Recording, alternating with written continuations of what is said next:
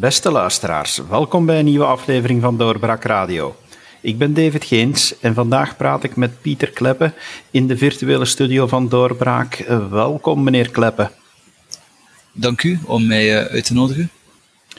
Meneer Kleppe, u bent wel iemand die redelijk veelzijdig is, als ik het zo mag zeggen. U uh, schrijft regelmatig voor doorbraak, dus uh, sommige van onze luisteraars en lezers zullen u daar wel van kennen. Maar u bent in de eerste plaats politiek analist, met dan voornamelijk het oog op de Europese Unie, als ik het correct heb. Hè? Uh, ja, zo is dat. Hè. Dus ik, ik ben lange tijd verbonden geweest aan een Britse denktank, Open Europe. Um, en in die hoedanigheid heb ik mij bezig gehouden met Europese Uniepolitiek en dan de laatste jaren voornamelijk natuurlijk met het aspect uh, Brexit. Um, nu, uh, sinds uh, verleden jaar ben ik verbonden aan een Amerikaanse denktank, nog altijd, de Property Rights Alliance. en, en doe ik eigenlijk nog altijd een beetje wat dat ik voordien deed. Dus ja, het schrijven van commentaren, over uh, Europees beleid, handelsbeleid. Um, en uh, sinds uh, kort heb ik ook een, een website opgericht he, waar we het over kunnen hebben. brusselsreport.eu. Ja, over die website gaan we het uh, zo dadelijk nog wel hebben, maar in aanloop daarvan uh, wil, ik, uh, wil ik u een beetje beter leren kennen. U werkt voor Property Rights Alliance. Ja is, is dat, uh, u zegt dat het is een Amerikaanse denktank. Uh, is, is dat uh, naar iets zeer specifiek dat die werkt of, of gaat ze heel breed? Ja, inderdaad. Dus de Property Rights Alliance hangt af van Americans for Tax Reform. Dat is een, een, een zeer succesvolle campagnegroep in de Verenigde Staten die pleit voor minder belastingen. zij slagen erin om, om, om heel wat politici te doen beloven dat ze nooit eh, de belastingen zullen eh, verhogen. Eh, nu, die hebben in, inderdaad een, dus een internationale pandante, om het zo uit te drukken, de Property Rights Alliance, die niet zozeer op belastingsbeleid focust, maar eerder op het belang van eigendomsrechten voor Europese ontwikkeling. En een van de collega's daar is ook de bekende Peruviaanse econoom Hernando de Soto, die heeft een boek geschreven, The Mystery of Capital. En in dat boek uh, meet hij eigenlijk de, de rijkdom van alle armen ter wereld. En zijn conclusie is dat, dat heel wat armen uh, in feite wel eigendom hebben, maar dat niet kunnen gebruiken. Bijvoorbeeld in die sloppenweken in, uh, in Brazilië onder meer. Uh, die mensen kunnen niet naar de bank gaan en hun een vastgoed als onderpand aanbieden om dan een, een klein bedrijfje te starten of zo, omdat die eigendomsrechten daar allemaal niet verzekerd uh, zijn. Dus uh, de Denktank komt ook met een jaarlijkse ranking van hoe eigendomsrechten worden beschermd overal uh, ter wereld. dus dat is eigenlijk, laten we zeggen, een beetje de, de, de focus van, die, van die organisatie. Uh, en ik zelf specifiek uh, focus dan vooral op ja, dus, uh, het Europees beleid. Hè, dus in welke mate dat de Europese Unie zich inzet voor het, het openmaken van de grenzen, voor het, ja, het, het, bevorderen van de, de vrije markteconomie. De EU doet zeker een aantal zaken die nog altijd zeer belangrijk zijn en, en positief. Maar jammer genoeg gaat ze wel langzaam de verkeerde richting uit.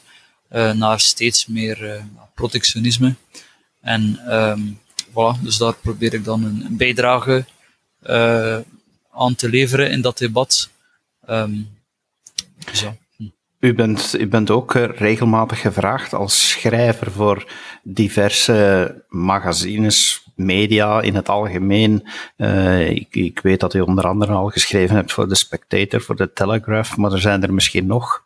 Ja, zeker. Ik denk dat ik uh, over de laatste tien jaar in, uh, oh, in uh, misschien nog 150, 200 tal landen al mijn boodschap heb kunnen, kunnen brengen.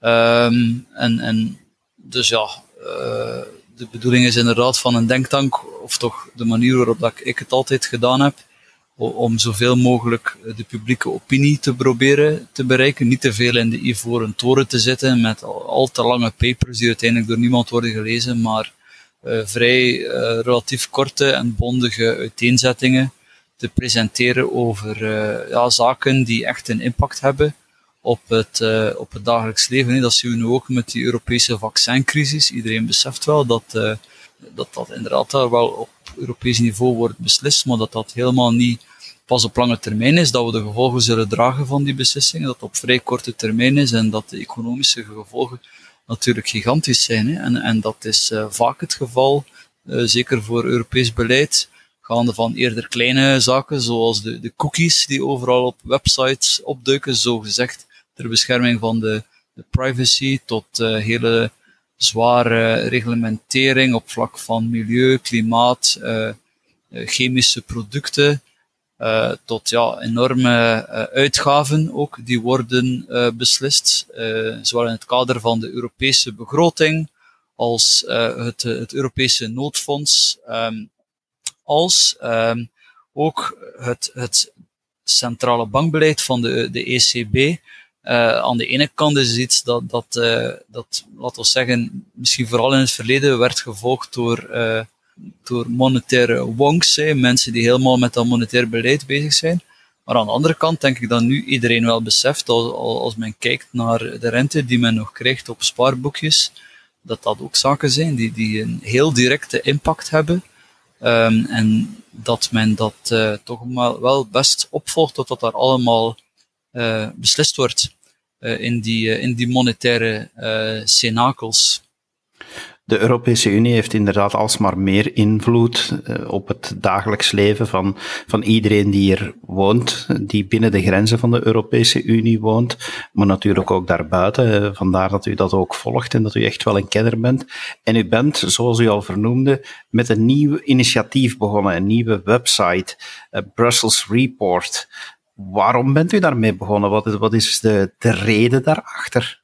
Wel, dat is eigenlijk iets dat ik altijd al uh, heb willen doen. Ik vind dat er um, veel te weinig aandacht gaat, nog altijd, naar het Europees beleidsniveau. Als je ziet wat dat het belang is, ik gaf het er net al aan, ook over monetair beleid bijvoorbeeld, um, dan, ja, de nationale media volgt dat wel, maar het blijft toch altijd een beetje een, een zijthema. En um, in Brussel, in de, de Brussels bubble, de Europese bubbel, heb je wel een aantal publicaties en die doen op zich goed werken, zoals e-Observer en Politico. Maar uh, ja, de analyse, de opinies die dan toch worden uh, naar voren gebracht, uh, blijven toch vaak binnen de consensus die op dit moment bestaat in die Europese bubbel. En die consensus, denk ik, uh, dat er steeds meer macht en geld naar het Europees niveau moet gaan, dat de Europese regels altijd een goede zaak zijn en, en, en, um, en dat daar geen probleem is van overreglementering. Dat staat denk ik haaks op, op de groeiende consensus, uh, zeker en vast um, in, landen zoals Nederland, maar zelfs ook uh, bij ons. Uh, dat, ja, dat die regelgevende machine te ver is doorgeschoten, dat dat beleidsniveau enorme macht heeft, met soms te weinig uh, uh, verantwoordelijkheid, uh, dat het allemaal centraal ehm, beslist wordt. En, en, en ehm, mijn bedoeling is om dus met dat nieuw forum, dat nieuwsmedium, om een soort van tegenstem te bieden in die Brusselse bubbel. Dus het blijft wel bedoeld voor, laten we zeggen, die niche. Um, om, om dus ja, mensen in de hele Europese Unie die een ander geluid uh, laten horen, um, allemaal samen te brengen op één plaats, om op die manier die stem uh, wat sterker te maken. En tot voor de Brexit werd die rol voornamelijk vervuld door de Britse media, waar die tegenstem natuurlijk wel degelijk aanwezig is en heel veel aandacht krijgt. maar ja, met het vertrek van het Verenigd Koninkrijk is dat iets dat jammer genoeg wegvalt. En dus ik denk dat het daarom het tijdstip perfect is. Op dit moment is het een, een, een, uh, een eenmansproject, maar ik heb wel een, een, groot netwerk van mensen die, die met veel plezier daarvoor schrijven. Ja, dus een beetje een, een Europese doorbraak, zou je kunnen zeggen. maar ehm, ja, dus de bedoeling zal nu eerst zijn om het, om het zijn eigen plaatsje te doen veroveren. En dan zien we wel uh, welke richting het precies uh, uitgaat. U vernoemde daar al de Brussels Bubble. dat, is, dat is natuurlijk op zich wel een grote bubbel aan het worden. Maar wat u dan schrijft, eh, want u schrijft ook bewust op Brussels Report in het Engels, uh, dat, dat zal natuurlijk zijn omdat dat de common language in die Brussels bubble is. Maar probeert u dan ook mensen daarbuiten te bereiken? Of, of zegt u van nee, dit is, dit is echt wel informatie die, uh, die niet voor het brede publiek beschikbaar is, maar eerder gericht is op de mensen die zich er willen in vastbijten in dat EU-nieuws? Um wel, ik denk dat het, uh, het, is het in het Engels, omdat dat nu eenmaal de lingua franca is. Uh, niet enkel binnen uh, de Europese beleidscenakels, om het zo te zeggen, maar, maar uh, ja, ook overal ter wereld. Um, nu, um, veel van die artikels zal ik zeker ook wel vertalen, onder meer voor, voor doorbraak. En, en, uh, en denk dat de inhoud van die artikels zeker iets is wat ook uh, mensen zal interesseren die, die niet de gewoonte hebben om, uh, om artikels in het Engels te lezen. Nu, ik denk wel, als ik zo eens rond mij kijk, dat heel veel mensen, um, zowel in de eigen moedertaal als in het Engels, op zoek gaan naar, naar informatie. En dat is niet enkel in ons land het geval, dat is denk ik over heel Europa het geval. Um, en ik denk dat daarom het, wel ja, nuttig is om, uh, om zoiets te hebben, om een soort van een, een ja, een pan-Europese website te hebben, die inderdaad dan de, zich van de lingua franca, het Engels, uh, bedient, om die, uh, ja, om die boodschap wat kracht bij te zetten. maar het ene sluit het andere niet uit. Hè. Ook al werk ik zelf persoonlijk al heel lang in het Engels, toch um, denk ik dat mijn Engels zeker niet, niet perfect is. Uh, mijn Nederlands misschien ook niet. uh, maar, um, dus, uh, ja, ik merk nog altijd dat ik ook in mijn, moedertaal teksten veel sneller en, grondiger absorbeer. dus ik denk dat het zeker van het allergrootste belang blijft dat wij ehm, niet enkel politiek commentaar publiceren in onze moedertaal, maar ook dat dan universiteiten, dat men niet alles in het Engels gaat doen, hoe, hoezeer ik uh, een, eh, ook een grote voorstander natuurlijk ben van het gebruik van die taal, denk ik dat we dat niet mogen, niet mogen verwaarlozen, het gebruik van het Nederlands in, de, in de academische wereld. U zei dat dit nog op dit moment een, voornamelijk een eenmansproject is, maar dat u over een groot netwerk beschikt. Dus ja. In de toekomst zullen er ook nog andere schrijvers bij betrokken worden. Ah, dat is nu al het geval. Hè. Dus uh, ja, ik probeer een beetje af, af te wisselen. En um, dus ja, als er luisteraars zijn die zich uh, geroepen voelen om over een bepaald aspect van Europees beleid een, uh, een artikel te schrijven, iedereen is welkom. welkom. Um, het is niet belangrijk dat men ja, dus al bepaalde, laten we zeggen, titels heeft of zo. Nee, zolang dat het maar een interessant artikel is dat, dat binnen de lijn van de van de website uh, valt, um, is, het, is het zeer welkom. Want, want uh, ik denk bijvoorbeeld aan bepaalde thema's zoals landbouwbeleid, die zijn soms heel technisch. En dan is het heel interessant om mensen te hebben die daar dag, dagelijks mee bezig zijn. Om, om uh, ja, dus aan te gaan tonen hoe het Europees beleid een invloed heeft op die bepaalde, op die bepaalde sector. Heeft dit project eh, een bepaalde sponsor? Zit, zit daar een organisatie achter? Misschien uw werkgever of, uh, of een andere organisatie die hier een bepaald doel wil mee bereiken? Uh, nee, dus mijn, mijn bedoeling is om de financiering via abonnementen te doen verlopen. Dus er komt een paywall binnen enkele weken en die, die zal heel, heel flexibel zijn. ik zal toelaten dat mensen een drietal artikels uh, per maand uh, zullen lezen. Dat is toch mijn plan op dit moment. Het kan nog veranderen. Um, en dat dan een paywall um, dus uh, wordt ja, geïnstalleerd. Dus die, die verhindert dat men artikels kan lezen.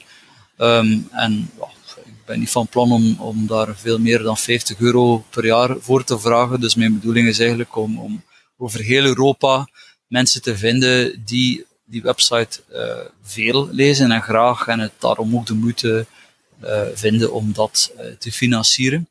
Ik denk dat dat zeer ambitieus is, maar nog altijd niet uh, onrealistisch. maar dat zal natuurlijk moeten blijken. Hè. Ik kan me inbeelden dat u natuurlijk nu als specialist ter zaken enorm veel aandacht besteedt. En ik merk het toch ook een beetje aan de artikels die, die momenteel op de homepage staan op Brussels Report, dat er heel veel aandacht gaat natuurlijk naar het Europese vaccinatieprogramma.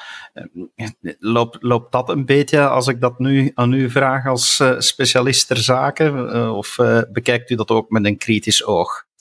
Uh, ja, toch wel. Hè. Dus uh, natuurlijk niet alles is slecht. We mogen niet overdrijven. Maar ja, de cijfers spreken een beetje voor zich.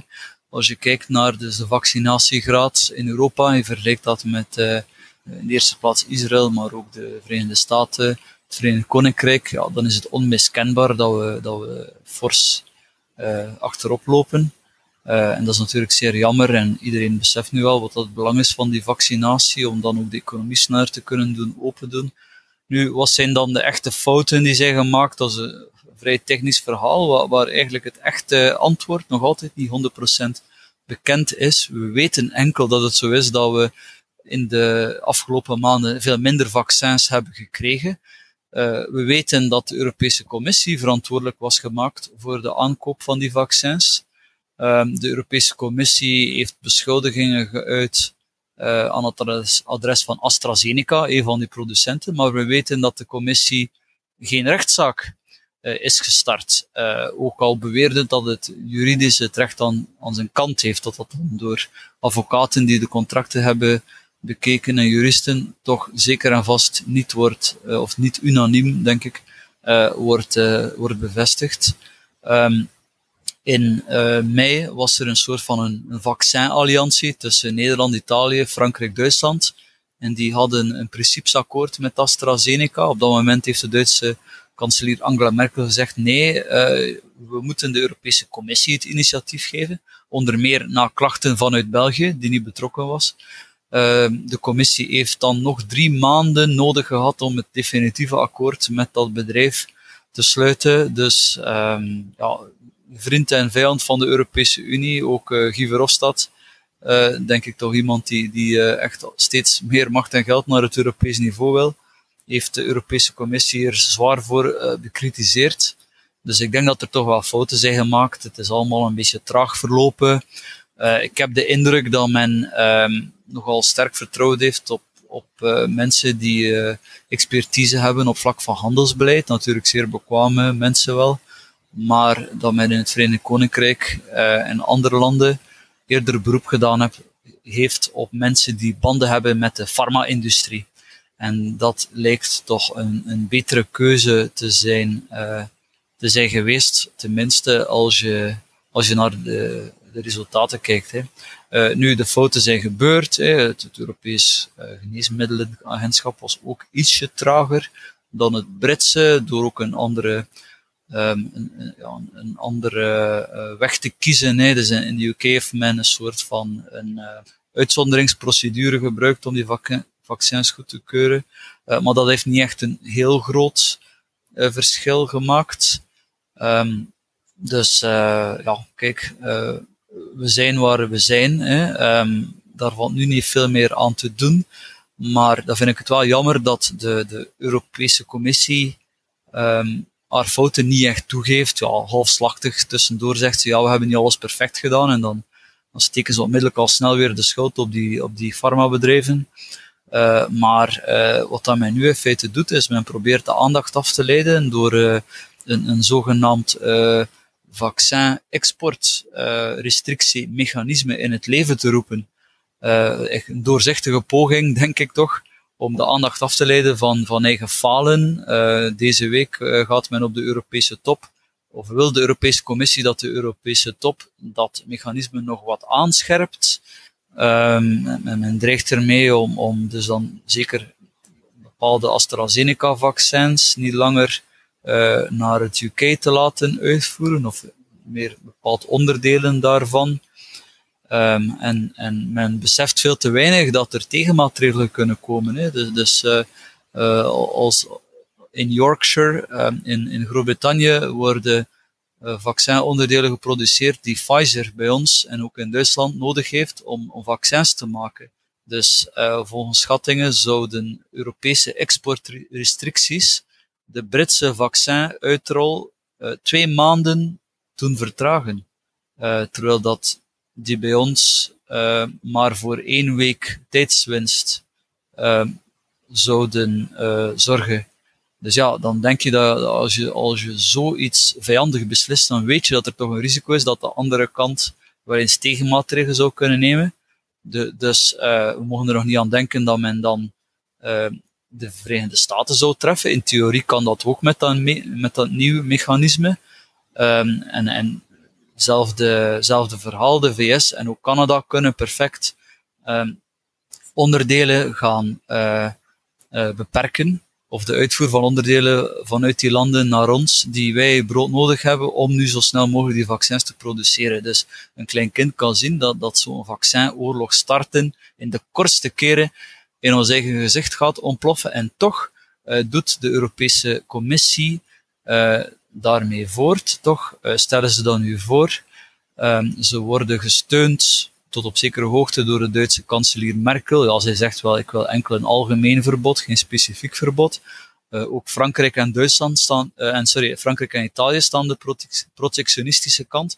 Gelukkig staat de Benelux aan de juiste kant hier, dus is tegenstander van die restricties. Net zoals Ierland.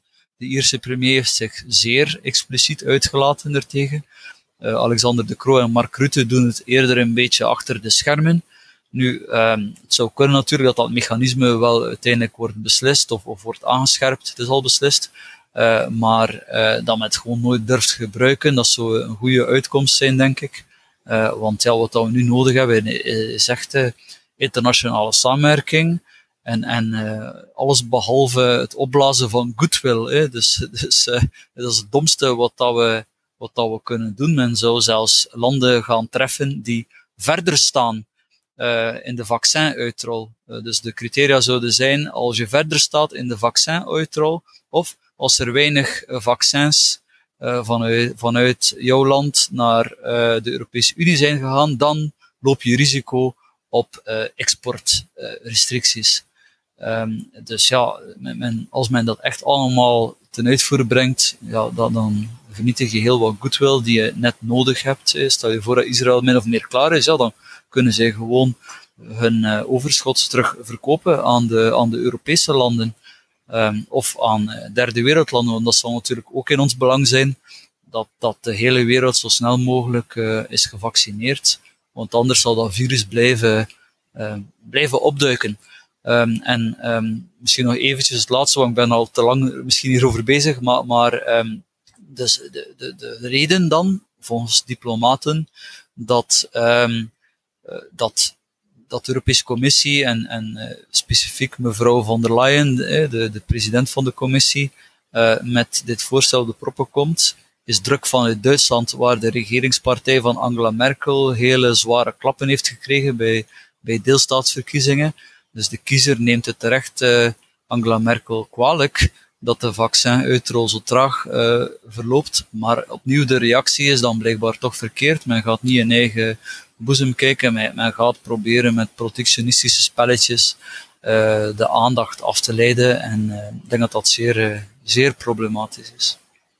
Een duidelijke analyse, meneer Kleppe. Dank u wel uh, dat u dat hebt toegelicht. Voor diegenen die meer willen weten en die uw nieuw project willen leren kennen, kan ik aanbevelen om te surfen naar brusselsreport.eu. Uh, uiteraard een .eu uh, om uh, meer te weten te komen van wat er reilt en zeilt in de Europese Unie. En ik neem aan dat wij hier van Doorbraak Radio u ook nog wel af en toe zullen contacteren als Europees specialist indien wij meer willen weten van een bepaalde zaak. Meneer Kleppe, dank je wel voor uw tijd. Dank u en graag gedaan. En u, beste luisteraar, u ziet, we blijven altijd nieuwe zaken op het spoor. We zoeken altijd de specialisten die u kunnen helpen om uw mening te vormen. Dat is onze taak en daar blijven wij mee bezig. Graag tot een volgende keer. Dag. Dit was een episode van Doorbraak Radio, de podcast van doorbraak.be. Volg onze podcast op doorbraak.be/radio of via Apple Podcasts, Overcast of Spotify. Bezoek ook onze website op doorbraak.be en steun ons door een vriend te worden van Doorbraak.